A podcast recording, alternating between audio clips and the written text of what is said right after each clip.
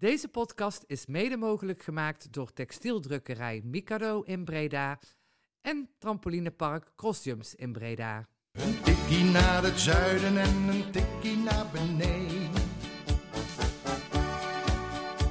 Daar wonen al mijn vrienden en daar voetbalt NAC. Laat nu de klok maar luiden, er is toch niks aan te doen. De B-side staat in vlammen en NAC wordt kampioen.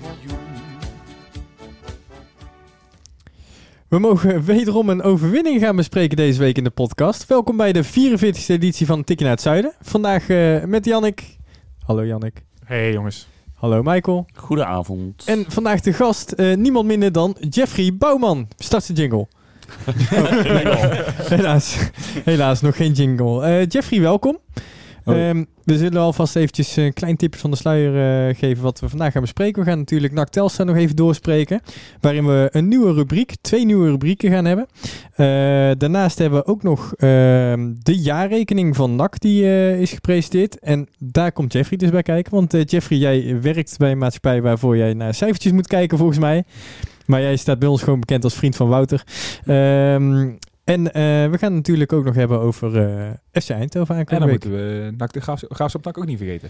De graafschap NAC wil ik wel vergeten. Ja, eigenlijk wel. Dat weet ik. Maar misschien dat we het toch heel even moeten behandelen. Laten we NAC de graafschap eh, straks toch nog maar even behandelen. Zullen we wel beginnen met NAC Telstar dan? Wat jij wil. Ik, ik ga, laten we even een beetje, een beetje goede sfeer beginnen. En dat betekent dus dat we gaan beginnen met NAC Telstar. Ook een heel klein beetje goede sfeer, hè? Ja, het, het was al rauwig hier van tevoren. Maar eh NAC Telstar, we hebben weer gewonnen. Maar eh, wat vonden jullie ervan?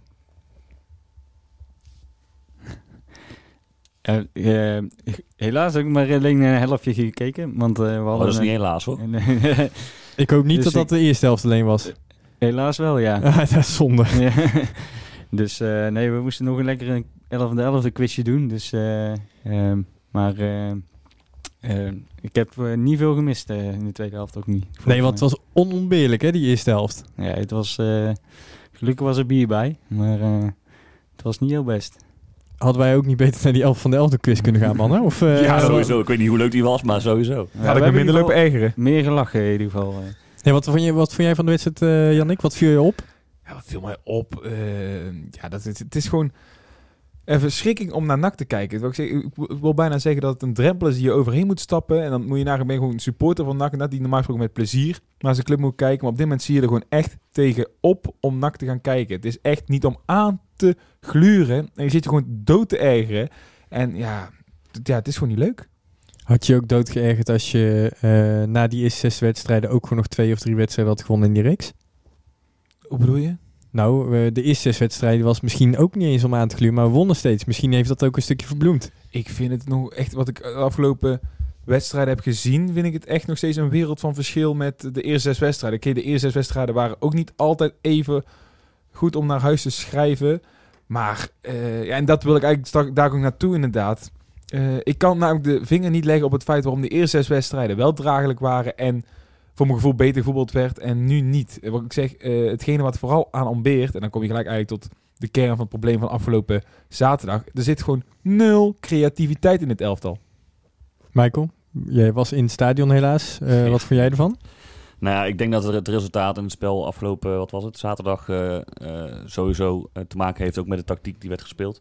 Eh, er werd natuurlijk gestart in een soort van 3-5-2 opstelling, wat totaal niet uit de verf kwam. Eh, spelers wisten gewoon totaal niet waar ze het zoeken moest, moesten. Iedereen was eh, zoekende op het veld en eigenlijk zijn ze er eh, nooit meer goed ingekomen. Dus ehm, ik snap dat Maurice Stijn de keuze maakt, want de afgelopen weken was het, was het ook niet goed en er werden geen kansen gecreëerd. Dus ik snap dat hij het op een andere manier probeert.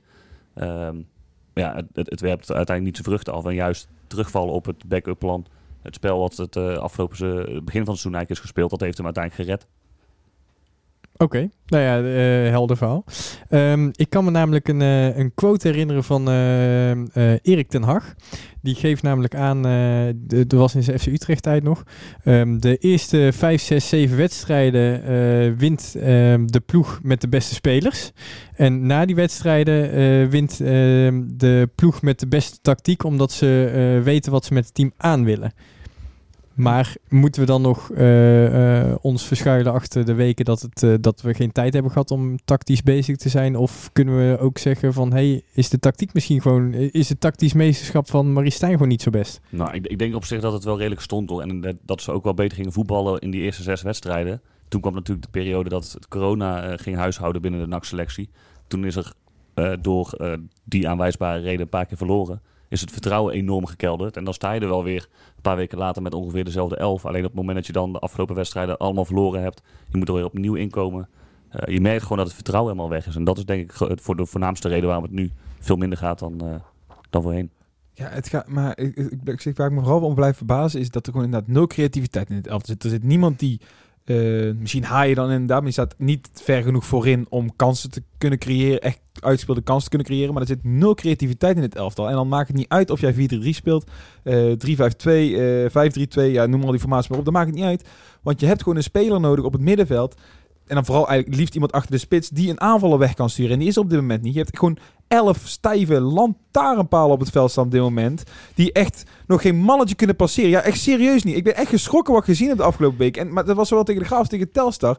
En dan, ja, leuk dat Het- immers een, naam van dienst is inderdaad. Maar die, die, die kapt nog geen mannetje uit. Die zet nog geen speler één op één voor de keeper. Het is jammer dat eh, mensen eh, geen beeld van de studio hebben, want de tafel is al een paar eh, weken geleden midden schopte Jannik, omdat, maar hij is nog steeds boos, eh, hoor ik nu.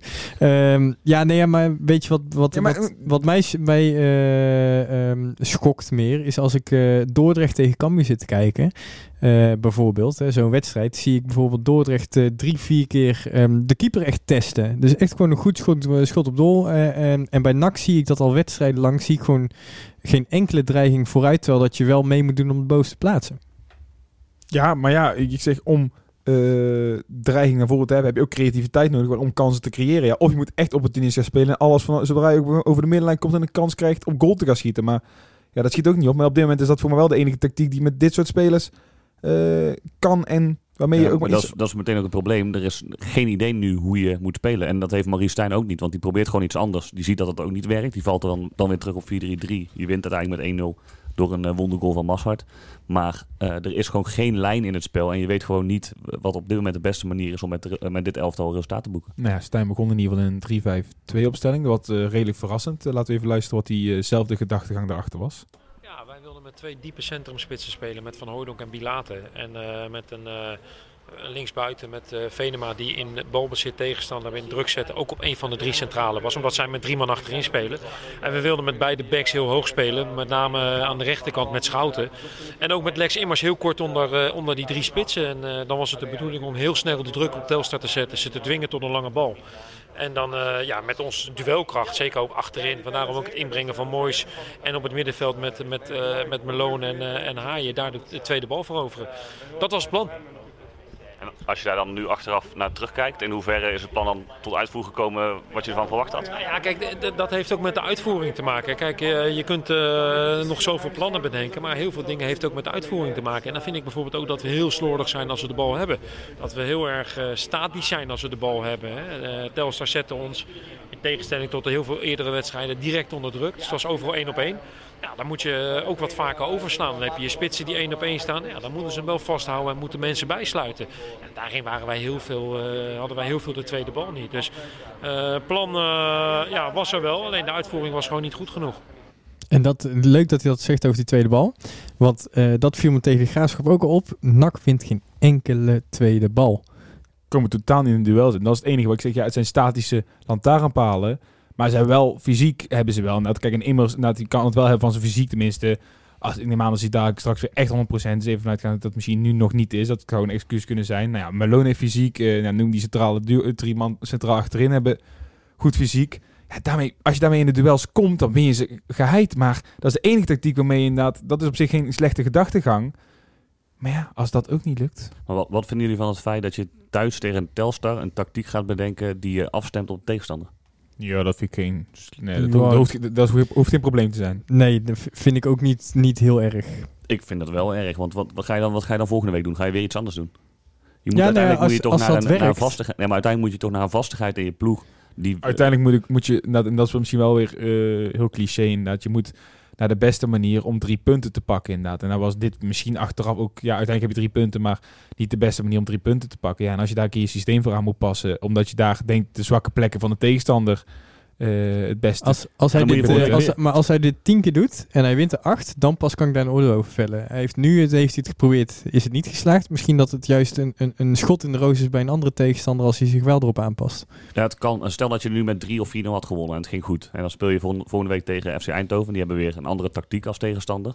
Dan ga je je, je eigen tactiek niet wijzigen. Wat hij zegt is bijvoorbeeld met drie spitsen en Venema die komt naar binnen als linksbuiten en die gaat druk zetten op centrale verdediger. Ja, hoezo zou, hoezo Ja, zou je die dan niet gaan wijzigen? Kan gewoon? Telstar ja, dat kan, maar dan ga je dus iedere week ga je dan, dan ga je toch nooit bouwen aan je eigen elftal. Je moet toch een eigen identiteit gaan bouwen. Je moet toch met deze selectie uiteindelijk een elftal kunnen vormen. eh, waarbij je 12, 13 man hebt. eh, die je misschien een beetje afwisselt. Maar in principe 9 man altijd eh, standaard in de alleen basiselftal. Telstar is natuurlijk wel het bouwen. enige elftal Ja. dat met vijf verdedigers speelt. Dat bedoel ik, ik ook natuurlijk. Ja, nee, ik vind je- het onzin dat je als NAC thuis tegen Telstar je tactiek op de tegenstander gaat aanpassen.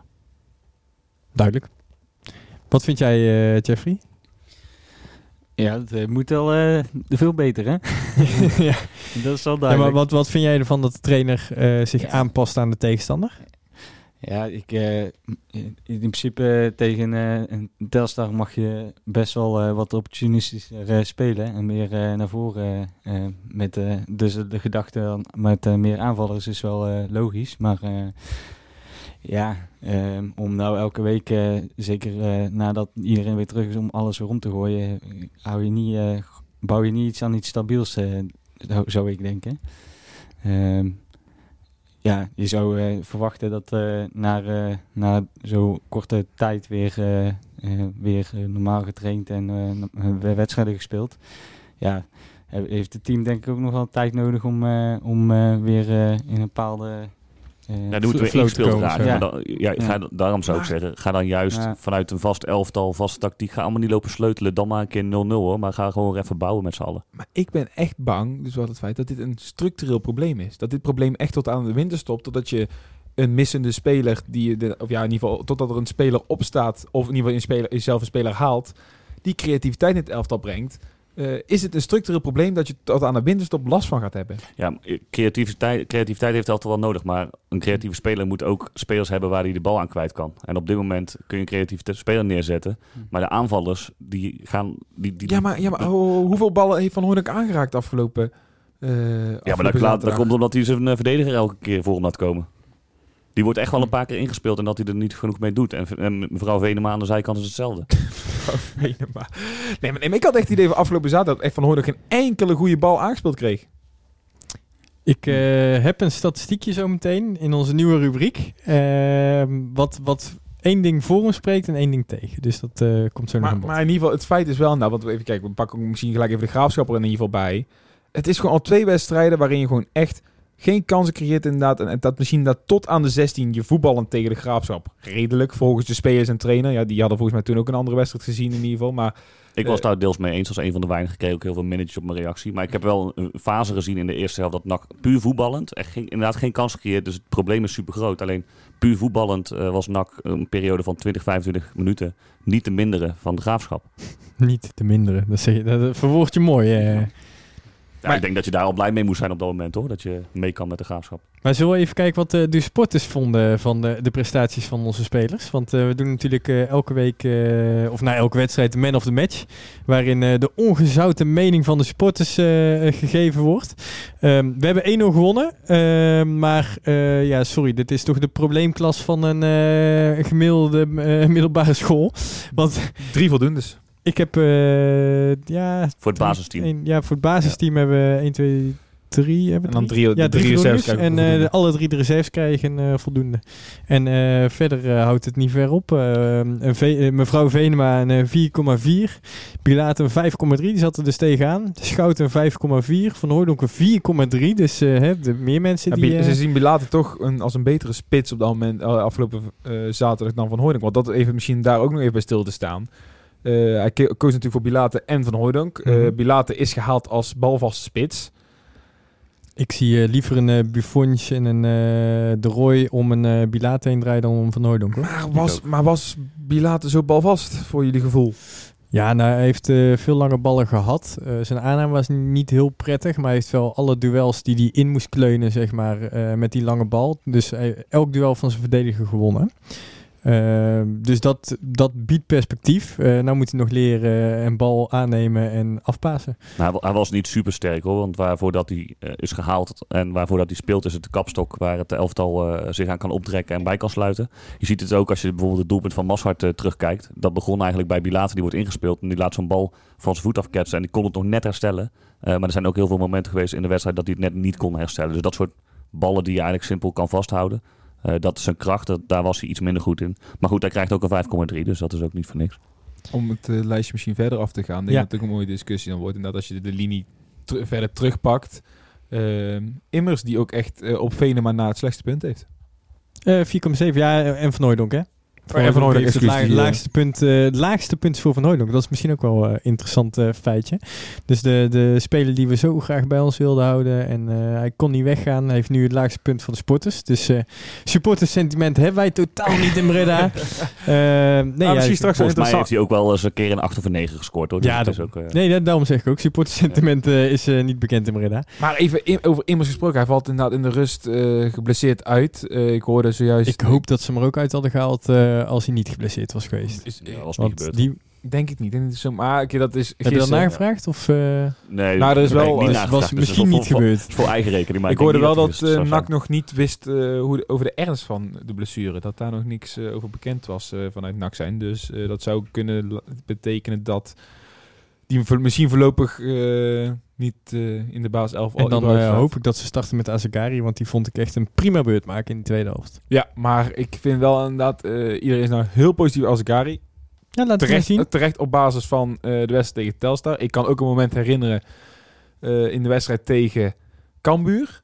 Voor mij die 2-0. Daar staat hij op ander, ja, dan, daar houdt hij aan de, zich aan de coronaregels en dan want dan staat hij op anderhalve meter te dekken van die Paulussen. en ehm, ja, en, en daar, ja, dat, ik dat, daar laat hij totaal niet goed zien. Het verschil is dat hij nu Ja, dus op 10... Nee, maar dat, dat, 10 gezet. En ja, hij, maar dat is het grappige.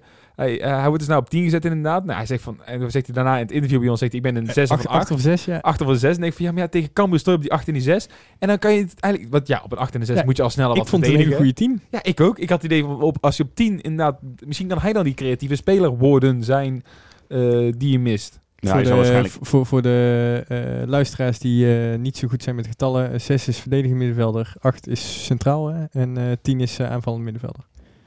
Ja, 6 Malone- en 8 Malone is- Ja, naast elkaar. naast elkaar. Ja. ja. Malone is de 6 bij ons, eh, normaal gesproken. Ja. Haaien de 8 en eh ja, immers de 10. Even voor, voor de mensen Ja. het beeld. Het treintje. Maar waarschijnlijk Azagari zelf, dat is natuurlijk een passende speler, die heeft waarschijnlijk liever wat meer spelers voor zich waar hij mee kan combineren. Kijk, op het moment dat je op 10 staat, dan is de enige die eh, dicht bij je aan kan spelen is de spits. En als je op 6 of 8 staat, dan heb je de 6, de 8, hè, de andere, de nummer 10 en eventueel de spits die je eh, kan zoeken. Dus vanuit de combinatie snap ik wel dat hij zelf liever verdedigend wil spelen. Maar zijn kwaliteiten passen prima bij, bij nummer 10. Oké. Om nog even wat verder door te gaan over de cijfers. Haaien als van ouds een voldoende. 6,5. Uh, Malone ook een onvoldoende weer. eh, wederom. Die wordt ook niet eh, ja, goed die had daarover laatste bij ons in het interview. werd- keek hij zelf ook kritisch natuurlijk naar zijn eh, eigen prestaties. Nou, laat ze maar horen dan. Laat maar horen inderdaad. Ja, zeker weten. Ik bedoel, van, eh, het is duidelijk waarvoor ik ben binnengehaald. Ehm, om, eh, als het inderdaad moeilijk gaat, eh dit team te helpen. En eh, proberen eh, in ieder geval, als we niet goed voetballen, een soort van stabiele organisatie neer te zetten. Alleen wat ik zeg, we waren steeds een moment te laat, ook in het coachen, ook in het neerzetten. En op een gegeven moment zijn dingen niet meer aan te coachen. En dan eh, ja, moet je gewoon strijden. Dat hebben we gelukkig wel gedaan. Maar eh, het was niet goed en ook ik zelf, eh, als ik naar mezelf kijk, gewoon heel kritisch. Ja, het, het, het, het moet beter, zeg maar. Weet je? Als ik als aanvoerder zeg maar, de rol op me mag nemen dat ik, dat ik het team moet neerzetten, ja, dan moet ik dat ook proberen misschien beter te doen. En dat is vandaag niet gelukt. Zeg maar. Ja, nee, maar... In ieder geval wel zelfkritisch. Ja, dat is het wel. Maar dat is, wat ik zeg, dat middenveld dat zo sterk was inderdaad... en waar, eh, waar we heel het seizoen zoveel profijt van hebben... dat staat, is nu al een beetje motorblok. is nou al aan het wankelen bij de supporters inderdaad. Ik, kan, eh, het, het, ik vind het wel een mooie vergelijking inderdaad. Ik kan me herinneren in het jaar met Dijkhuizen... eh, zijn eerste jaar waarin hij ook vanaf het begin van het seizoen... eh, ik weet even niet precies welk jaar het was, wel het seizoen waarin we promoveren uiteindelijk... halen we ook een middenveld met Stans, Hamouts en Nijholt. Dat zou het motorblok worden van dat jaar. Dat Ja, duurde, dat duurde voor mij ook zes. Dat duurde ook zijn we vijf. toch niet eh, gepromoveerd. Ja, wel. Uiteindelijk zijn wij dat jaar wel gepromoveerd, volgens mij. Maar in ieder geval, Maar Jefke Stans? ja. Oké. Maar, Eh, eh, maar in ieder geval, dat was ook het motorblok inderdaad. En voor mij na zes wedstrijden was dat motorblok ook alweer verdwenen inderdaad. Want er stonden zowel Stans, Hamouts als uh, Nijl dan niet meer in de basis. Dus ja, ik, daar, daar vind ik wel een mooie vergelijking in ieder geval om die te maken. Want ik verwacht dat dat hier met dit... nou vind met ik dit, dat met- eh, ehm, eh, Stans, eh Hamouts en wie zijn er nog meer? Nijholt. eh, niet de fates mogen strikken van Lex Immers dat was en eh, Tom ho, Haaien, ho, maar... ho, ho, daar ga, daar ga, nee, daar ga je Nou, dus de mist in. Op dat moment kwam Stans kwam over van Excelsior. Was daar de grote sterspeler. Stans de- was de sterspeler van Excelsior in de eredivisie. Dan een stapje terug naar NAC. Ik denk, nou ja, dan mag hij in de eerste divisie gaan spelen. Nou, dat is voor hem... eh, Maakt eerste twee- doelpunt van het seizoen. Maakt Fantastische pegel naar een corner. tevens gelijk voor mij zijn enigste. Want daarna, ik zeg, daarna, het was niks meer. En eigenlijk, ja, ik zeg, je kunt zeggen, nee, de mogen de veters nog niet strikken van Immers. Maar die kwam wel in dezelfde soort rol. Kwamen, die kwamen van Eredivisie ploeg inderdaad, waarin ze nog ja, of vaste baasspeler waren of regelmatige baasspeler. Ze waren gehaald als ervaring. Precies hetzelfde verhaal als bij Immers en Malone. Maar ik denk ook, eh terugkomend op mijn verhaal, dat ook een Malone goed gedijt bij wat meer vastigheid eh, in het elftal. Want je zag het, eh, dat, dat hij enorm zoekende was. En dan is hij de speler die de band heeft. Maar dan krijg- krijgt hij het op dit moment niet voor elkaar om de groep bij elkaar te houden. Ik kon ook Of, oftewel, hij is geen sterkhouder zelf. niet, nee, niet sterk genoeg om hij eh, hij gedijt dus in een team eh, waar de rest het goed doet. Is jonge hij een goede abiliteit. speler. Maar dat is wel een ja, pijnlijke Nee, conclusie. maar we hebben het al over ik- onze aanvoerder. Ik was in, sta- in het stadion kon je natuurlijk nu heel veel meekrijgen en ook in coaching. En het is minstens zo vaak voorgekomen. Op zich is het niet zo heel erg, maar het, het zegt dan natuurlijk wel iets. Het is minstens zo vaak voorgekomen dat Malone werd gecoacht door een ander. eh, positioneel of wie die moest pakken, et cetera. Dan dat het andersom was. Met name het middenveld was afgelopen zaterdag echt enorm aan het zwemmen. En eh Malone had echt de allergrootste mo- mogelijke moeite met zichzelf. Dus die kan op dat moment niet de rol eh, vervullen van, eh, van aanvoerder. Nee. En dat is dus onze aanvoerder. Dat is wel een schokkende conclusie eigenlijk. Statische lantaarnpaal volgens een, eh, een van de hier. Ja, maar oké. Nee, maar prima. Nee, maar dat Malone een statische lantaarnpaal is dat, is, dat is zijn rol ook inderdaad. Want Voor mij is hij een stofzuiger inderdaad, zo'n ja, breker inderdaad op het middenveld waar je niet zo voorbij komt. Tuurlijk, je hebt altijd van die type lantaarnpalen in je elftal staan. Maar dat een immers zo'n lantaarnpaal is inderdaad. Of eh, een Venema en ja, noem al in ieder geval eh, alle mensen op die kansen moeten creëren. Ja, dat is veel schokkender. Nou ja, wat je, wat je tot nu toe ook probeert, het, het lukt niet. En ik denk ook dat Marie Stijn het eh, ook even niet zou weten. Maar ik hoop met name eh, richting de jongens die zijn ingevallen, die dus ook de hoogste cijfers hebben gekregen eigenlijk. Eh, dat die ook gewoon nu de kans gaan krijgen. Want Marie Stijn houdt na- namelijk normaal gesproken heel lang vast aan dezelfde elf. Geeft ze heel lang de kans. Nou, Lex Immers is daar een hartstikke mooi voorbeeld van. Want die eh, scoort afgelopen week al eh, wat minder goede optredens, maar mag toch blijven staan. Ik hoop dat hij een keer overstag gaat en ook die jonge jongens nu de kans Maar geven. hebben de mensen gelijk gekregen de laatste weken die aan het begin van het seizoen zeiden, na al die goede resultaten, jongens, let even op, we hebben niet zo'n bijstersterke elftal. Als we straks echt getest worden, hebben we echt een probleem. Nou, ik had het wel willen zien hoor. Die, die, Ja. Na die eerste zes, zes wedstrijden tegen de goede tegenstanders zonder corona. eh, dan denk ik niet dat NAC eh, meer had verloren dan dat ze Dat ze die flow nog vast hadden. Ja, ik- ze zouden een keer kunnen verliezen. Maar dan pak je uit bij de graafschap. eh, speel je 1-1 of zo. Oké, dan hebben, hebben ze op het doel moeten schieten in Doetinchem. Ik was daar, nou, ik heb niks gezien hoor. Maar ehm eh, eventjes een rijtje afmaken, want dan kunnen we straks door. we gaan namelijk straks een nieuw puntje aanhalen. En dat vind ik wel leuk om even naartoe te gaan bewegen nu. Ehm, Hoe noemen ze dat ook alweer? Een bruggetje. Maar ehm eh, Rustler als enige en voldoende in de verdediging. Eh 5,9. Adelou eh een 5,1. Ga ik straks uitleggen waarom dat onterecht is. Eh, en 5,4 voor eh, Riera. En een 7 voor Nicolai. Nou, die is keeper van de week geworden ook eh, deze week. Dus eh, ook niet gek. Zo, want die, die redding hè, bij 0-0. De schuin vanaf, vanaf de 16, punt 16, die speler van Telstar op het uur of zo. Pakt hij even goed toch? Ja. Je was hem al kwijt. Ja. Je had hem al verstopt. Ja. Oké. Ah, houd ons Ik gewoon heb even op de eh, veel lopen verdringen van die wedstrijd. Eh nou, eh, heel niet de bank die erin is gekomen, Buffons, Azekari en Massart, die waren de enige drie die echt te beoordelen qua speeltijd nog. Want inderdaad, Ehm, even om, we zijn nou heel negatief de hele tijd inderdaad. En dat is waarschijnlijk ook meer dan terecht dat we negatief zijn. Maar laten we ook een positieve klank klinken, eh, laten klinken. De goal was schitterend. Zo. Jetta! Ik ben wel benieuwd, ik heb het hem ook niet gevraagd hoor, maar of dat hij eh, wist wat hij deed. Hij, tuurlijk, weet, ja, tuurlijk eh, doet hij bewust een stiffie. Ja, ik zag maar- hem die eh, hand voor zijn eh, gezicht doen en ik denk, van, doe maar wat. Maar het gaat, zo, nee, maar het gaat zo snel op zo'n moment. Soms doet je lichaam dan voordat je het in je hoofd al zover bent, zeg maar. Alles aan die goal, ik, ik meen het serieus. En dat is Eh, hele rare vergelijking misschien wat ik doe inderdaad. Maar die aanname en de stift. Ik meen het serieus. Als Messi het voor mij doet eh, in La Liga, dan eh, gaat hij heel, gaat hij over. heel, gaat hij heel Twitter over inderdaad. Dan wordt hij, oh kijk nou eens wat een geniale aanname inderdaad. Nou, Oké, ander, Ja, niveau, en, ander en niveautje het dit. Frenkie niveau- de Jong die hem zo strak in paast, hè? Ja, ja, maar, maar, maar dat is een ander niveautje uiteraard. Maar het is echt een hele knappe Maar het is goal. een hele moderne goal, hè? want tegenwoordig is het ook goed dat een linksback eh binnendoor, zeg maar, hè, schuin, eh, schuin binnendoor steekt. Dat En- deed hij hartstikke goed. En dat, daar hadden we het in ieder geval bij, eh, in de matchkasten bij de Graafschap ook al over inderdaad. Van eh Marschart inderdaad is een echt een groot talent. Alleen hij moet gewoon wat vaker die aanval durven te zoeken. Eh, dat, nou ja, tegen Krijgt de het Graafschap beste lukte dat cijfer, niet. Eh, wordt met een- 7,4. Maar inderdaad, nou doet hij dat een keer. En je ziet inderdaad, hij heeft aanvallend zoveel kwaliteiten eh, als back zijnde. Dan, ja, dan, ja. Ja, niet, niet meteen Hosanna. Maar maar ja, ik vind dat, ja, ik vind dat wel. Ja, ik vind dat wel. Ja, en dan wil ik eigenlijk eh, meteen een beetje doorgaan op een volgend punt. Want eh, we hebben door CBI Analytics, een eh, bedrijf hier in Breda, die had ons benaderd dat ze met de statistieken wat, wat wilden gaan doen. Dus dat wilden wij ook heel graag. En die hebben de afgelopen wedstrijd voor ons helemaal in kaart gebracht. Paas, nauwkeurigheid, alles op en eraan. Jullie gaan dat later ook nog op de website terugvinden. Dan kan je zelf een beetje gaan neuzen wat er allemaal goed en slecht is gegaan. Ehm, ik heb een aantal puntjes die ik eruit wil halen. Want nou kunnen we natuurlijk gewoon alleen op data gewoon gaan kijken ehm, eh, wie wat eh, verkeerd heeft gedaan. of Ehm, goed, Of goed. verkeerd dus. Wat mij opvalt, eh, als we kijken naar het aantal keren balverlies. Bovenaan Bilate en Venema met alle twee keer vier keer de bal kwijt. En Van Hooijdonk erachter met drie. En eh, Schouten met twee. En als je kijkt eh, over de rest, dan eh, incidenteel eh, eentje. Maar voor de rest eigenlijk niemand die balverlies heeft gereden. en dat is, daar gaat het dus wel een beetje fout in de zin van Bilate moet hier de aanspe- eh, a- het aanspeelpunt zijn. Maar verliest wel het meeste de bal eh, van de ploeg. Wel even één kanttekening. Stel nou dat Bilate 80 ballen krijgt en er 4 verliest. En Van Noordon krijgt 4 ballen en er verliest er 3.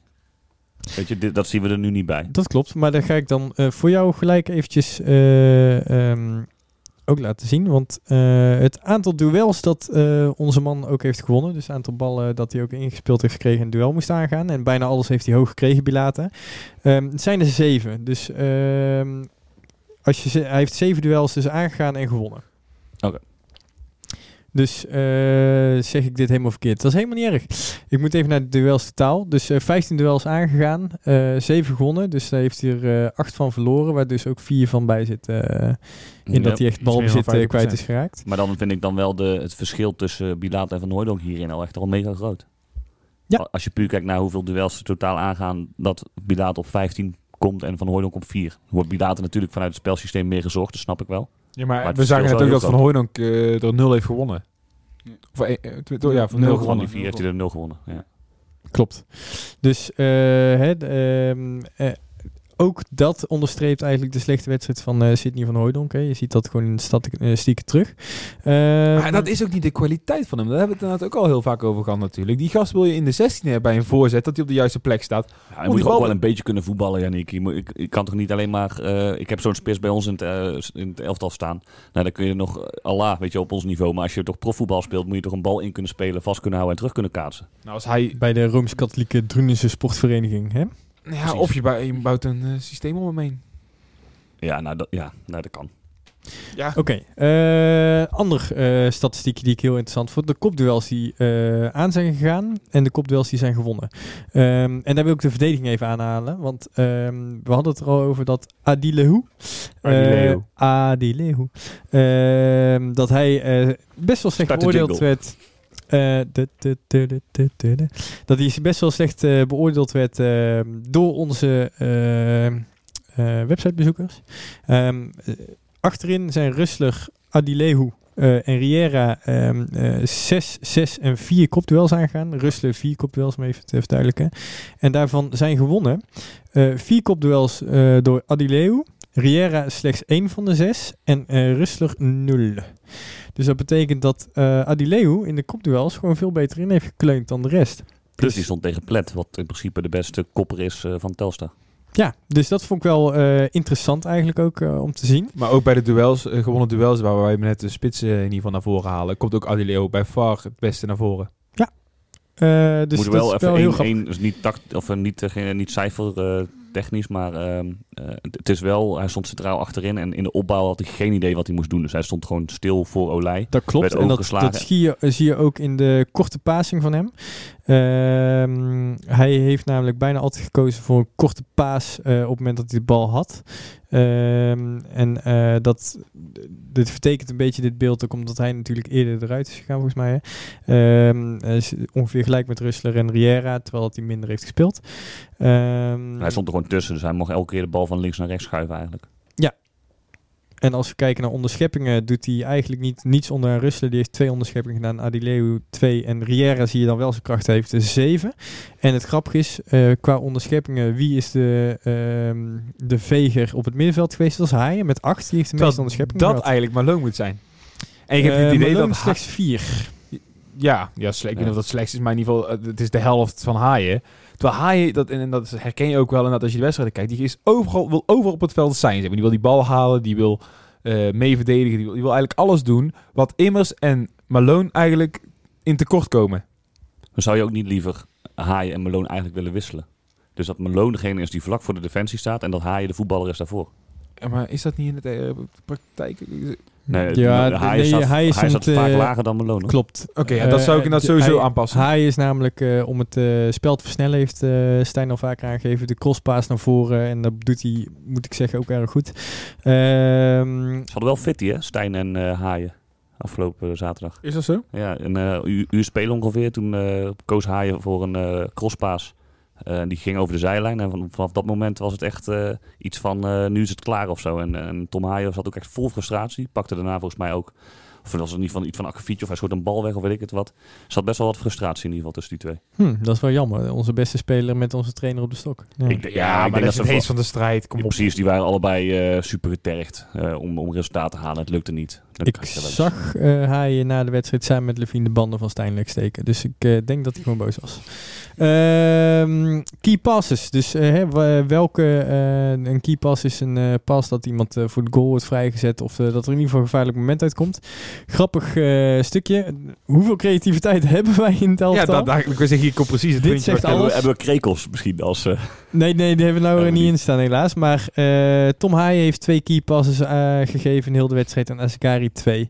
En Azekari heeft natuurlijk maar een half uurtje gespeeld, moet je Ja. nagaan. Dus die heeft in een half uur tijd heeft hij, eh, eh, Nou, twee keer gedaan wat de de tweede, rest van is, het elftal de tweede was op Buffons die van de lijn werd gehaald. Dus Ja. in principe waren eh, het waren bijna twee doelpunten. Ja, dus ehm, wie stemt voor Azekari volgende wedstrijd in de basis? Voor Immers graag. In mijn Ja. hand is omhoog. Ehm, leuk trouwens hè, dat we deze statistieken zo'n beetje kunnen uitlezen. ik weet alleen Eh, niet hoe, eh, hoe, ehm, eh, hoe het ook overkomt luisterend. Kijk, wij hebben natuurlijk beeld erbij. Ja, ehm, We zullen de volgende keer, als we het de volgende keer nog eh, behandelen, kijken of we inderdaad al iets online kunnen plaatsen, dat mensen van tevoren ook kunnen zien en Overigens, kunnen kijken. ehm, eh, deze vind ik ook namelijk leuk. Ehm, we hebben de kopduels net gehad. En eh, we hebben ook nog de grondduels. Eh Adileu is vier duels aangegaan en Riera en Rustler één eh, in de grondduels. En ehm, aantal grondduels gewonnen. Eh Rustler en Riera 100% alle twee één. En Adileu drie van de vier. Dus maar ik moet wel zeggen, hij is natuurlijk wel vier duels aangegaan. En daar komt hij, vind ik, ook weer erg goed uit. Ja, ja, dit dit- is gewoon de conclusie wat Michael al zegt inderdaad. Verdedigend is Adileo echt niet zo slecht als dat we dachten naar eh, Go Eagles. eh. Ik zou nog maar één centrale verdediger nou opstellen. ja, maar voetballend. is Tegen het- een type als Plet, dat is natuurlijk ideaal. ik zou, je, ik zou zeggen statisch. Schouten, is en Adileu in het midden. Ik denk dat we Adileo tegen een Seuntjens bij spreken, en dat als je dan een wedstrijd tegen de Graafschap, dat je hem dan echt goed kan gebruiken, omdat verdedigend echt geen slechte speler is. En dan in dat soort wedstrijden ook veel minder op hoeft te bouwen als tegen eh, bijvoorbeeld Telstar. Communicatie is wel echt een dingetje met hem hoor, achterin. Ik weet niet eh, wat voor taal dat hij eventueel spreekt, maar ik heb niet het gevoel dat, eh, zeg maar, communicatie-wise, want doordat hij erin staat staan, Riera en Rustler verder van elkaar af, is het, merk je toch dat het, dat het wat instabieler is. Ja. Maar goed, dat is mijn bescheiden mening. Ik zeg gewoon ja. Ehm, en dan gaan we nog even kijken. Deze vond ik ook wel interessant. Hè. Eh, Venema en eh, Schouten waren eh, ervoor om op te komen en meer voorzet te geven. Venema is dat twee keer gelukt. Schouten is dat drie keer gelukt. Vind ik eh, bar weinig. Ja, dat moet je blijken. Ik weet niet hoe dat andere wedstrijden is inderdaad. Of dat nou weinig is, of dat het nou veel is. Of dat... Met eh Bilate eh, in de pot. Eh, ik had hem een stuk of tien keer erin willen zien gooien. Je hebt 90 minuten de tijd, Ja, hè? Ik, dat, dat is even natuurlijk voor ons is dit natuurlijk ook nieuw. Wanneer is iets een voorzet en wanneer is iets een eh, lange bal? Voorzet is als hij in de pot geslingerd wordt, zeg maar. Ja, maar een lange bal van achteruit kan ook in de pot geslingerd worden. Ja, maar die geven Schout en Venema in principe niet. Nee, maar daarom, dus wanneer is het een voorzet? Moet je dan, Ja. hoe hoog moet je dan op het veld staan? Ik denk dat je daar even, eh, ja, dat is voor ons ook nog nieuw inderdaad. Wanneer is het een voorzet? Maar die Nee. zijn ook niet gegeven. Volgens mij heeft eh Azagari, staat hij erbij ook? Want die heeft een, Ja. een hele goede voorzet gegeven op eh, Van Hooijdonk. En die kopte die in de handen van eh Schendelaar. Dus ze- hij is er wel geweest, de voorzet. Maar die kwam er niet van eh, Schouten of van Venema. Oké, eh, helder. Eh, laatste puntje voordat we doorgaan naar het eh, volgende punt. Want eh, leuk al deze nieuwe dingen, maar het kost allemaal tijd. Ehm, de paas nauwkeurigheid wilde ik nog heel eventjes aanhalen. ehm, want ehm, dus de, het percentage passing die aan is gekomen van Hooydonk 100% als enige. Rustless 96%, voor een verdediger ook wel prettig. Adileu 88 en Riera 70. En van Riera heb ik toch wel zoiets van oeh, achterin. En dan zo'n slechte paas en keurigheid. Ja, linksback. En de allereerste bal die hij kreeg, leverde hij meteen in. En was bijna volgens mij een kans voor Telstar. Dus die begon, die begon sowieso al niet lekker. Die Ja. is er eigenlijk ook nooit meer ingekomen. Eh Malone overigens 92%. Zit ook erg aan de bovengrens. Dus die doet dat, eh, staat er ook best wel goed op. Maar ja, ook hier heb ik altijd zoiets van, eh, wat voor passes zijn het? Hè? Kijk, Rusland zal, kan goed zijn dat hij 96% eh paasnauwkeurigheid heeft, maar dat er Allemaal kort 9 van de 10 ballen op, terug op de keeper zijn. Ja, eens. Maar, eh, wat vinden we van deze statistiek allemaal? Leuk? Ja, er zitten leuke, interessante dingen tussen. Inderdaad, iets waar we, eh, hoop, waar we hopelijk dit seizoen eh, veel plezier aan gaan Ik beleven. eh, hoop ook dat we er eh, komende weken veel aandacht aan kunnen besteken. Dankjewel CB Analytics voor eh, de statistieken. Ehm, en dan gaan we door naar het volgende puntje, mannen. Want dit komt ook op de website dus, hè? Dit komt ook op de website. Dus eh, wil je eh, ons tegenspreken in al onze analyses, doe dat graag in de eh, opmerkingen onder het berichtje die ik nog ga maken. Ehm, dan wil ik over naar eh, de orde van de dag, de belangrijkste dingen. En dan, het gaat om de centen, Jeffrey. Ja, de centen. De jaarrekening van NAC. Ehm, ja, nou, je hebt hem, eh, we hebben hem net ook al even een half uurtje kort doorgenomen, de jaarrekening. Eh, er zijn een aantal punten uitgekomen die we even willen bespreken. Ehm, nou, een intro, eh, wil ik nog even een introotje geven van hè, hoe kijk jou nou, jij nou naar een jaarrekening van een BVO als NAC? Ehm, ja, ik kijk altijd wel elk jaar vanuit nieuwsgierigheid naar eh, de cijfers van NAC. eh. niet dat ik hem helemaal uitpluis, maar ik vind het wel interessant eh, wat er eh, gebeurt. Ehm, ja, ook puur mijn vakgebied, dus eh, ehm, zodoende vind ik dat interessant. Headhunters, eh na dit gesprek eh, kunnen jullie hem bellen op. wij, eh, wij, wij hebben altijd een mooie aanvoerdersband eh, als sponsoring van BDO, dus eh, dat is altijd mooi. Toch even noemen. Heb het toch even genoemd. Nee. Baas ook weer blij. Maar zo heel blij. Ehm, ja, het is altijd sowieso interessant om eh, een jaarrekening van een club te zien. Eh, wat ik al net bijvoorbeeld, eh, al mensen bijvoorbeeld niet weten, is dat contracten gewoon geactiveerd worden in een, in een, in een, balans. En eh, ehm, daarover afgeschreven wordt tot het contract afloopt. En je in de opbrengst eh, eh, spelers eh, verkoop ziet. Ehm, dus dat vind ik sowieso altijd wel interessant om te zien. En ehm, ja, je, je, ziet ook heel vaak dat het eh, daar ook eh, heel veel een jaar kan maken of breken. En eh, dan is het ook vaak een verleiding voor clubs om eh, geld dat over is te gebruiken voor nieuwe spelers. En eh, de afkoopsommen zitten bij overige posten, toch? dat zit, nee, dat zit lekker in de, in de omzet. In de omzet. in de omzet. Dus, eh, Ja, nee, dus- eh, we hebben een aantal puntjes hebben we ook aangehaald, hè? Ja. Eh, waar we mee wilden starten. Eh, de grote drie heeft u bijgestort. Of de aandeelhouders. Volgens mij niet alleen de grote drie, misschien wel meer. eh, ja, daar kan ik er niet direct uit zien natuurlijk. Eh, ehm, Het persbericht stond volgens mij, of het bericht wat erbij eh, hoorde, stond volgens mij de grote drie. Ook grote Ja. drie inderdaad. Oké. De grote drie hebben Ja. dus weer kapitaal eh, geïnjecteerd in eh, deze bende.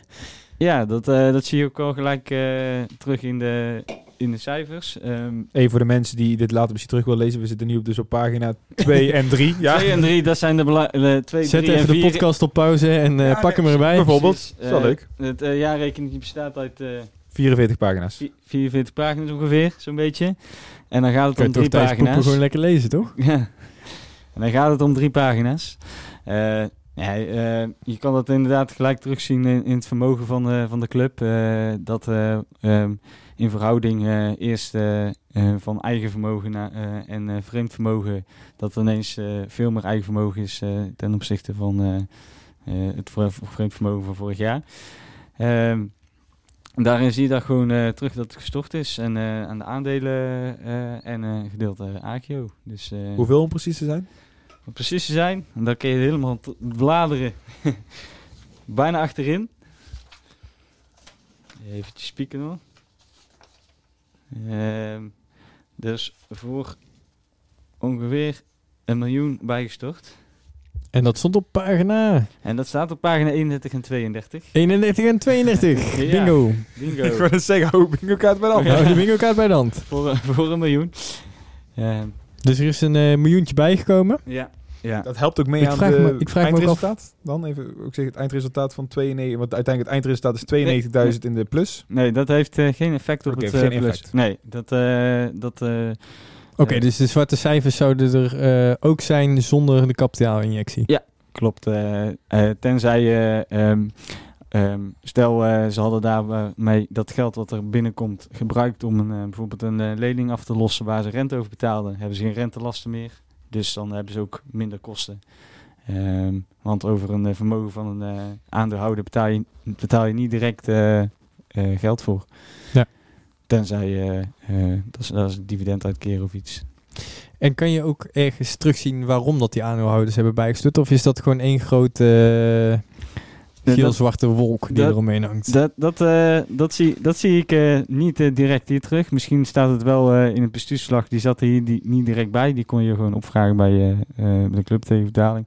Ik, ik hoorde wel dat iemand zei Stond dat hij- op de rad. Er stond hij inmiddels al wel op de rad. Misschien dat hij daar wel in beschreven stond. Daar eh, eh, had ik nog niet naar gekeken.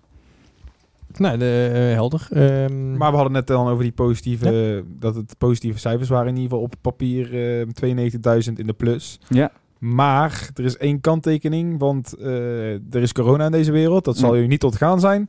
Nee. En daarvoor hebben ze ook eh, bij de regering een regeling eh verzonnen, om Ja. het zo maar te zeggen. Ja, en je ziet, eh, je ziet wel terug dat er NAC van twee regelingen gebruik heeft gemaakt.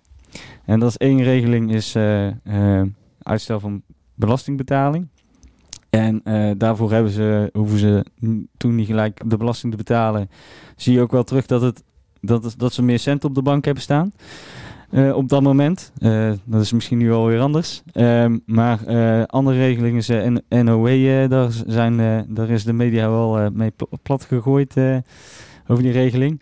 Daar heeft NAC ook gebruik van gemaakt. Ehm, als zijnde, ja, die wedstrijden gingen niet door. Dus er is geen eh opbrengsten, gem- of mi- minder opbrengsten gemaakt. En daar hebben ze een, regeling getroffen om, eh, of regeling gebruik gemaakt om NOW te krijgen. En dat zie je ook terug. En de NOW, dat bedrag is maar liefst bijna 8 ton. Dus stel, ze hadden niet, de regering had daar geen, eh, die re- maatregelen niet getroffen, dan, dan maak je dus gewoon 8 ton eh, verlies. Eh, Zeven minder- ongeveer. Ja, 7 ongeveer, omdat ze 90 plus hebben gedraaid. Dus eh, dat, zijn, dat zijn wel eh, centen die dan eh, heel hard nodig zijn. Eh, overigens, eh, inderdaad, de kanttekening van deze jaarrekening is natuurlijk dat de transfer van Hekken er niet eh, tussen zit. Heb je dan een idee, eh, ik weet niet hoe makkelijk dat in te schatten is eh, in jouw eh, vakgebied, dat als Van Hekken er volgend jaar bij komt, dat NAC weer eh, zwarte cijfers kan schrijven? Ehm, dat zal er vast bij helpen. Ehm, dat is natuurlijk Ze de hebben het ook wel heel erg nodig, toch? Dit, omdat Ja. je tot nu toe eigenlijk niet met eh, supporters hebt gespeeld. Ja, ja ik, ehm, ik weet niet wat dat allemaal gaat doen. eh, zeker met die regeling dat mensen, eh, mensen hun geld terug konden krijgen of iets dergelijks. eh, hoe dat allemaal gaat verlopen. Dus dat, dat, is- dat soort zaken spelen allemaal mee.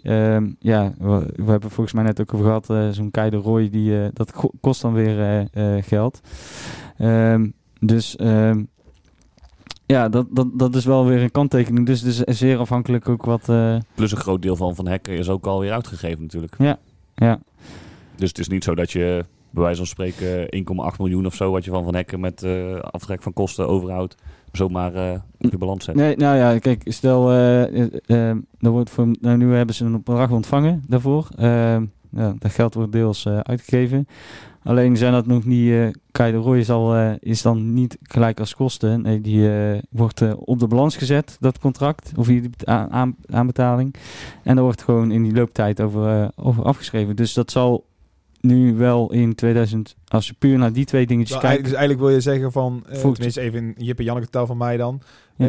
van, eh van Hooydonk, van Hekken, die eh, krijg je in één keer, boem, een 2,5 miljoen om zo maar te zeggen erbij. En eh, de 4 ton die bij wijze van spreken voor de Roy is betaald, wordt over vier jaar afgeschreven. Ja, stel hij blijft vier jaar voetballen en eh, hij wordt tussentijds niet verkocht. Zal ik jullie trouwens... eh, maak dit verhaal nog even af en eh, Ja. breek ik straks even in, want ik heb... Ja, en hebben we nou gedaan, we gaan er maar door. Ja, ja. Hey, ik ben een mooie beschouwing aan het geven. nee, ehm, eh, ik heb eh, het bestuursverslag namelijk... eh, had ik vanmiddag al gelezen en ik had al een aantal puntjes dat ik dacht van... Oeh, eh, ik denk pak er even bij, dan kan ik het ook oplezen. Ja. Ehm, het lijkt erop dat eh NAC geen sluitende begroting heeft dit jaar ook. Omdat eh, het eh, terugkeren naar de Eredivisie, om dat mogelijk te maken, is niet mogelijk met de sluitende begroting. Met de omvang van stadion, supporters en wat er dus nodig is om dat te bereiken. Ehm, dat is punt 1. Dus dit jaar zal erg belangrijk worden, denk ik. Ehm, het, het niet tijdig terugkeren naar de Eredivisie vergroot de kans dat de club op basis van het vernieuwde financial rating system 15 punten of minder behaalt. Dus dat betekent dus dat wij eh, daar ook nog teruggezet kunnen worden in het financial eh, rating system. Ehm, er bestaat ook nog eens een debiteur-risico eh, dat de grote sponsoren en debiteuren uit transferactiviteiten een potentieel risico voor, vormen voor de houden maatschappij NAC Breda BV. Want eh, we hebben natuurlijk met Rijvloed meegemaakt dat we eh, hem verkopen, maar de centen nooit mogen zien. Nee, nee. Eh, dus daar eh, wordt op gehamerd hè, ehm, dat er meer zekerheden verkregen moeten worden om de daadwerkelijke transfersom ook eh, te ontvangen. Ehm, overigens staat er ook bij, en dat was een puntje dat je net zelf al aanhaalde. Uh, Houtsmaatschappij NAC Breda BV loopt een risico indien het de fiscale regels op het gebied van omzetbelasting, loonbelasting en vennootschapsbelasting onjuist interpreteert en of heeft toegepast. Ik neem aan dat ze hier ook de NOW mee bedoelen. Eh, dat weet ik niet. Nee, dat denk ik niet dat het er rechtstreeks mee te maken heeft. Maar. Oké. Ehm, Misschien staat dat er wel altijd. ja, dat zou, zou goed kunnen. Dat, Ik, ik vind het meest interessante hier, het staat warrig omschreven, het niet tijdig Ja. terugkeren. Wat is niet tijdig? Nou, Ja. vorig jaar Ja. stond er al in de begroting dat NAC eigenlijk moest promoveren dit jaar. Dat was gewoon een must. Als we dat niet zouden doen, dan hadden we financieel echt een probleem. En nu staat er ook bovenaan eigenlijk dat we ja, toch maar ietsjes eh, eh, te ruim zijn gegaan met het besteden, omdat we nu moeten promoveren. Ehm, omdat dat anders niet mogelijk is. Dus eigenlijk wordt hier al ingedekt op een grotere uitgave. En misschien krijgt uh, Levine dan toch gelijk met zijn mommerscenario. Ja, dat daar wil ik ook wel naartoe. Nou, dat is ook wel. Ik heb dat echt nog dat, gevoel. Ja, we hebben Manders hier keer in de podcast gehad. Ik vind Manders wat dat betreft qua algemeen de hele prettige man. Ehm, en dat is open voor mijn gevoel. Ehm, maar ja, weet je, het is, ik ben ook maar een leek wat dat betreft. Ik heb heel weinig verstand van zaken over hoe of wat een voetbalclub moet leiden en welke facetten daarin, eh welke facetten daarbij voetbal. horen. Ja, zo kun je het ook benoemen. Nou, ik weet ook niet waarom ik hier zit dan. Het was zo makkelijk. ja, ik moest, moest. Maar in ieder geval, eh, hij kan ons alles voorschotelen inderdaad. En ik geloof het toch wel inderdaad, laat ik het zo zeggen. Ehm, maar ja, ik zeg, leuk dat je nou naar 92.000 euro zwart staat. Maar nou, dan krijg je weer die, eh, het wel het feitje erbij. Dat zonder NOW-regeling was het 7 ton verlies inderdaad. En als je dan hoort wat voor risico's we nu nemen... en dan vooral kijken naar welke prestaties we nu voorlopig afleveren inderdaad... en eigenlijk promotie tot nu toe niet, nog geen echt reëel doel is... ja, dan begint het mij wel te kriebelen. Het is een beetje glad ijs dan eigenlijk. ja, Samenvattend. ja, eh, het, Slippery slope. Wat, eh, wat, wat je dus ook bijvoorbeeld heel erg terugziet eh, als je puur naar de omzet kijkt op pagina eh, 22, om daar eh, lekker in de, in de jaren Voor de bingo-spelers, pagina 22. Dan Alweer gewoon- een winnaar. Daar, daar kan je precies eh, het mooie zien, omdat het één jaar is eh Eredivisie geweest, een ander jaar is Eerste Divisie geweest. En dan zie je heel gauw terug dat je, eh, je televisiegelden gewoon fors minder zijn. En, eh, En nou zitten wij nog hoog met ons punten, dus wij krijgen al het meeste van de Precies, KKD. Ja. precies. En, eh, ehm, maar ook eh, sponsoring kan daar gewoon een effect hebben. Dat sponsoren meer geven omdat je bij een eredivisie club eh, of eredivisie... Vol- volgens mij eh, is er een eh, bedrag voor de ere en voor de eerste divisie in verschi- verschillende schaal. Ja. Precies, dus als je die, eh, die twee jaren eh, naast elkaar zet, dan zie je bijvoorbeeld eh de ene jaar 6, eh, 6 miljoen en de andere jaar 4,4 miljoen eh, aan, aan sponsoring. Ja, dat eh, heeft gewoon allemaal effect op de begroting natuurlijk. En, eh, dat Het gaat zijn- alleen maar minder worden. Als je niet promoveert. Nee. Ja, eh, nou ja, misschien komen we wel gewoon echt in financieel zwaar weer. Hè? Dat, eh, vorig jaar werd er dus echt aangekaart van we moeten promoveren of eh, we hebben echt een probleem. Oftewel, eh, we moeten zo gaan begroten dat we misschien wel nog vijf, zes jaar erin zitten. Overigens wil ik wel nog even, voordat ik morgen weer door allerlei mensen word gebeld of dergelijke, eh, wat ik net zei over dat ik geen idee heb inderdaad of in een financieel zwaar weer komt. Dat is puur op gevoelens inderdaad. Dat is totaal niet gebaseerd echt op mijn feiten, wat ik zelf al zeg. Van ik heb- ben hier echt een leek in inderdaad. En, eh, La- laat, laat, Laat ik, vooral niet, laat, ik- laat ik vooral niet hier de supporters eh, opzetten inderdaad van oh ik vertrouw het niet op. Nee, zo is het niet. Maar ik ben, Nee, dat, je, hebt, je, gewoon als suppo- je hebt gewoon, je hebt gewoon als supporter van NAC hebben we gewoon allemaal dat scenario toen met Mommels inderdaad meegemaakt. Ja, maar we, we en lezen daar- het weet je- niet heel erg verkeerd. Hè? Er, staat gewoon, eh, er staat gewoon dat er gewoon risico's zijn. En Ja. dat, dat, dat snap ik. Ik, eh, Ja. ik geloof best wel dat je risico moet nemen om eh, te komen eh, tot de eredivisie. En zeker als je al het tweede jaar eh, in, de, in de KKD zit. Mochten we er over een poos heel slecht voor staan, dan gaan we gewoon eens even met de Manders babbelen. Ja, ja, nee, sowieso. Hè. Wij interpreteren iets en eh, gooien dat zo naar buiten. Eh, wij staan hier niet te schreeuwen dat de club in brand staat en dat we een nee, probleem ik zeg, laat dat even duidelijk zijn. Of we dat wel morgen inderdaad eh, gelijk weer... eh, eh, Alleen als we verliezen van FC Eindhoven, dan staat de club in brand. Maar even, voordat we daar naartoe gaan, even, eh, Jeffrey, misschien eh, kun je een conclusie trekken? Wat is jouw gevoel erbij? Eh, conclusie trekken. Zou mooi zijn als hij nou zegt dat echt de club in de Ja, fik ja, maar hij kan het zeggen. Ja, hij mag het zeggen. of juist niet, nee. Ja. Eh, nee, dat is eh, heel lastig, lastig te oordelen. En het zal allemaal helpen als, als NAC weet te promoveren. En we En- doen het zo goed. En, en, ja, precies. En, maar ja, het is ook sterk afhankelijk van wat bepaalde spelers aan de ontwikkeling doen. Kijk, als je natuurlijk... eh, als Sydney eh, volgende, volgende week eh, weer vijf binnen schiet aan zo'n begin van het seizoen. Weer? Oh ja, ik wil het zeggen. Net als het begin van het seizoen. Ja, ja.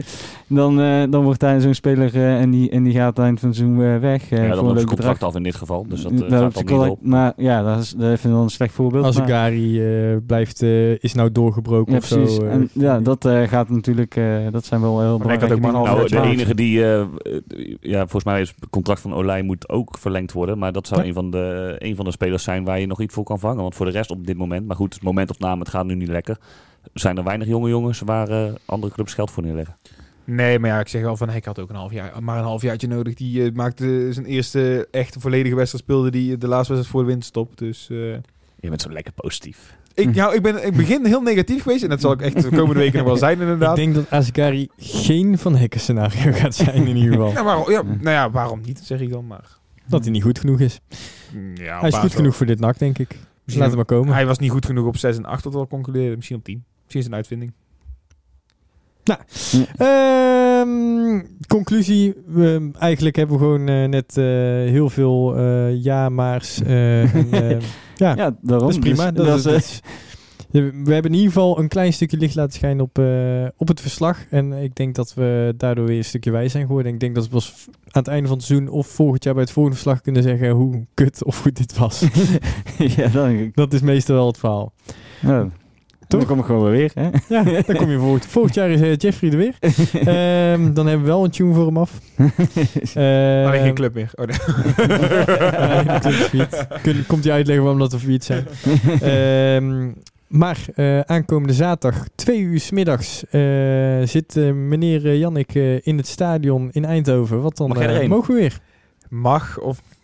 Ja, ik mag, ja, ik mag mag erin. erin. Mag is toch leuk, man? Ja, nou ja, dat moet altijd maar blijken.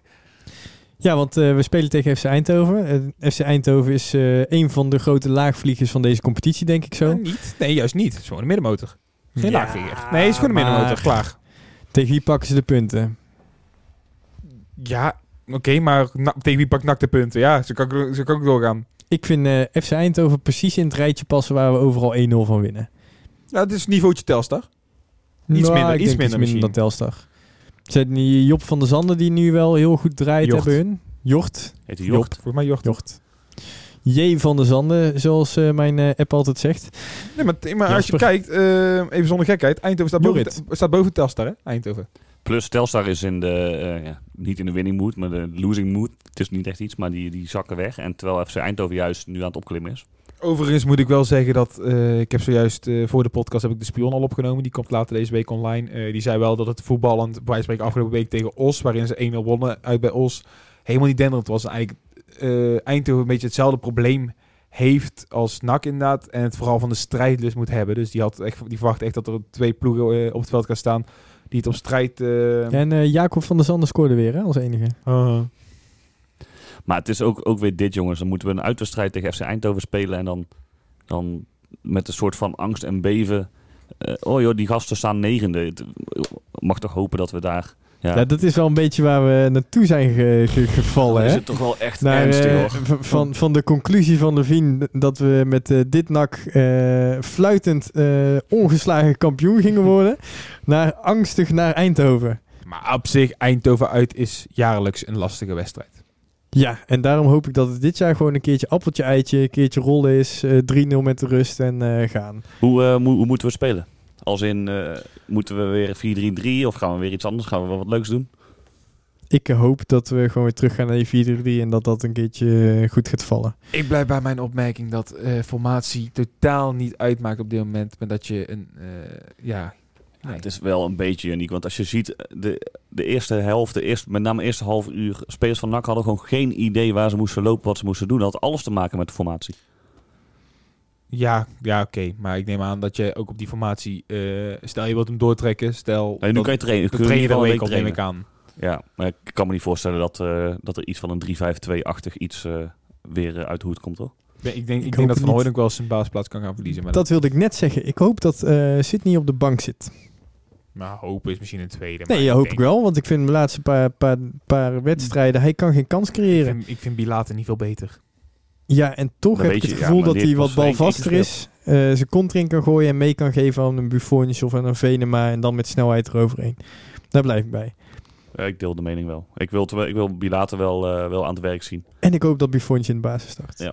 Ik Ah, zou het is in met Buffons en Bilater eh, eh, starten en Ella Lucci dan, die ze dan weer bij. Een feit is wel dat je Toch met deze... Wel? Ja. Oh, Gewoon met de snelheid. Nee, niet misschien. Maar Nee. het feit is wel dat je eh, wel naar ergens naartoe moet. Je moet wel, kijk, als je nou weer 3-5-2 speelt, dan moet je dat ook doorzetten. Je hebt nog drie wedstrijden totdat je weer een hele lastige serie krijgt. Dan ook echt een hele met Go Eagles, Volendam en eh, Roda Excelsior. Eh, daarvoor heb je nog Dordrecht en Os. Eh, dus je hebt nog drie wedstrijden tijd om je opstelling te vinden. Als Ja. Stijn zijn inderdaad. Ja, dan weet ik niet of 3-5-2 slim is, omdat dat inderdaad echt redelijk nieuw is. Of dat je gewoon gaat zorgen dat je 4-3 Ja, maar we gaan toch niet heel seizoen 3-5-2 spelen? je weet het niet. Ja, hey, eh, ja ik sta niks meer van te kijken. Nee, Ik, mag er, ik, ik hoop echt dat er inderdaad ook weer 4-3-3, dat dat gewoon de vastigheid, het, was, het is nu geprobeerd, het is mislukt. Ehm, ga lekker weer terug naar, de, naar het normale, naar de eerste zes weken met die jongens. En, eh, en we bouwen weer een beetje aan die vastigheid. Heel het seizoen 3-5-2, Jannik. Nee, Ja, nu pas de landen. ja, het kan ook, maar weet je, het kan, het kan prima werken inderdaad, maar wel met creatief. Ja, weet je, ja, maar dan moet je met Riera, zoals wij het hier voor ons hebben, met, eh, met Riera als centrale verdediger spelen. Maar tegen eh Telstar ging, kwam Riera ook heel veel door het systeem eh, op de linksback-positie echt uit. Ja, dat, dat, dat zet je hem niet in zijn kracht, hoor. Ik weet dat ze in ieder geval eh, bij bijvoorbeeld Arsenal of zo, dan spelen ze ook met drie verdedigers centraal en zetten ze op links. Links centrale verdediger staat inderdaad wel een linksback. Plus nu heb je Reusler, Adileu en Riera erin staan. Eh, als er een van die drie geblesseerd raakt, dan moet je je systeem eigenlijk weer om gaan gooien.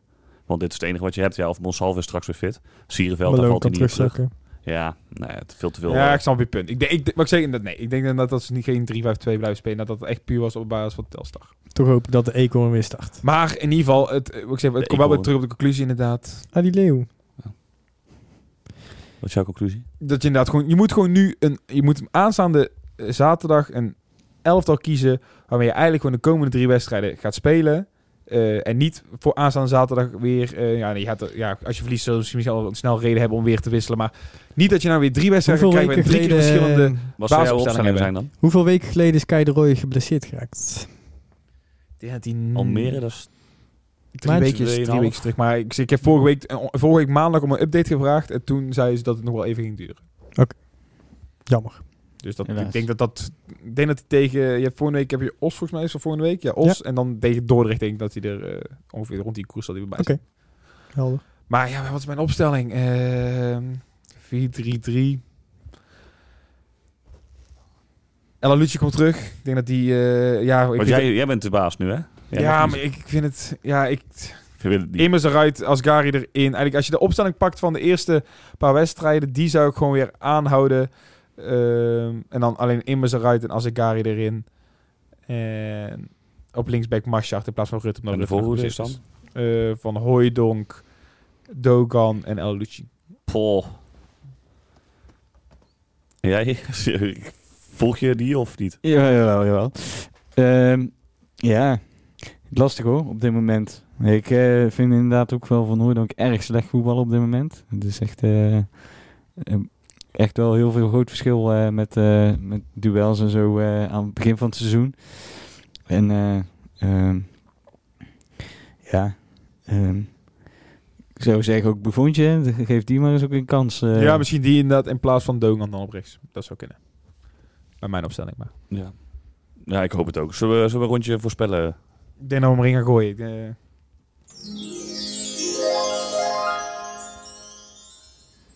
Ja, Jannik, eh, wat denk jij dat gaat worden zaterdag? eh, ik heb eh, bij de Spion 1-2 voorspeld, dus daar eh, blijf ik bij. Komt er overtuigend uit. Nee, ja, dat dat is ook echt de reden omdat ik erheen ga dat ik voor mezelf echt hoop dat ik eh, een overwinning ga zien. Maar eh, mensen zullen het gemerkt hebben deze podcast. Ik ben nog eh, allesbehalve positief eh, gestemd. Ja, Jeffrey? Ehm, ja, ik ben ook wel positief.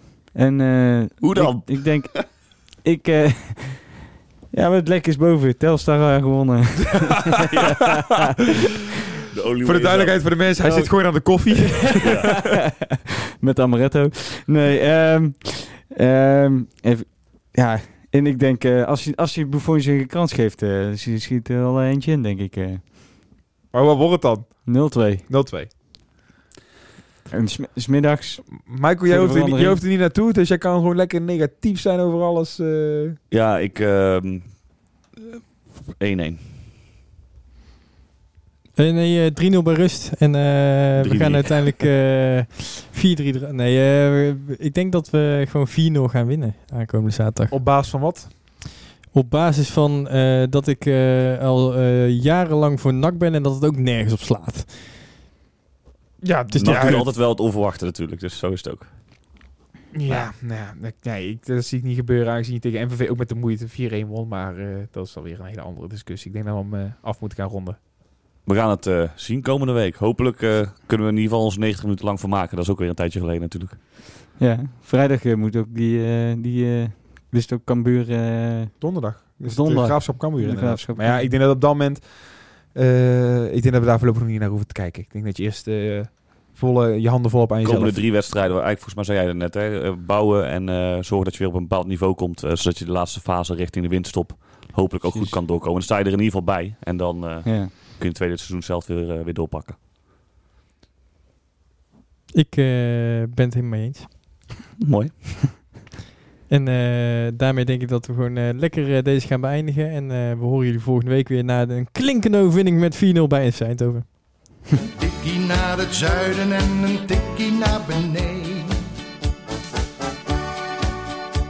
Daar wonen al mijn vrienden en daar voetbalt NAC. Laat nu de klok maar luiden, er is toch niks aan te doen. De B-side staat in vlammen en NAC wordt kampioen.